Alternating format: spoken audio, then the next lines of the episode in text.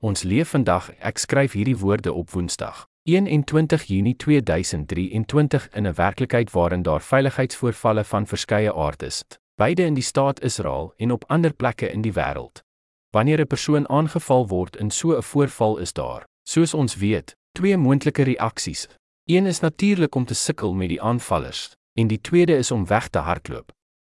Behalwe dat wanneer dit kom by 'n gestremde persoon wat hom in so 'n situasie, baie dikwels is nie een van hierdie twee reaksies moontlik nie, en dus word 'n doodstruk geskep. En wat meer is, vir baie gestremdes laat die fisieke gestremdheid nie die persoon wat aan die gestremdheid ly toe om 'n geweer vas te hou vir selfverdediging nie. Om hierdie redes kan daar ruimte wees vir openlike oorweging van beskermingsmaatreëls wat die gestremde persoon in so 'n situasie kan gebruik.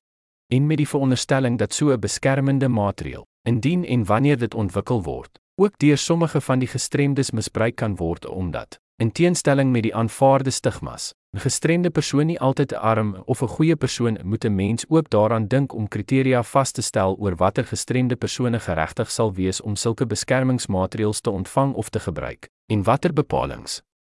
Die skrywer is Asaf bin Amini, 'n inwoner van die Kiryat Menachem woonbuurt in Jerusalem, Israel.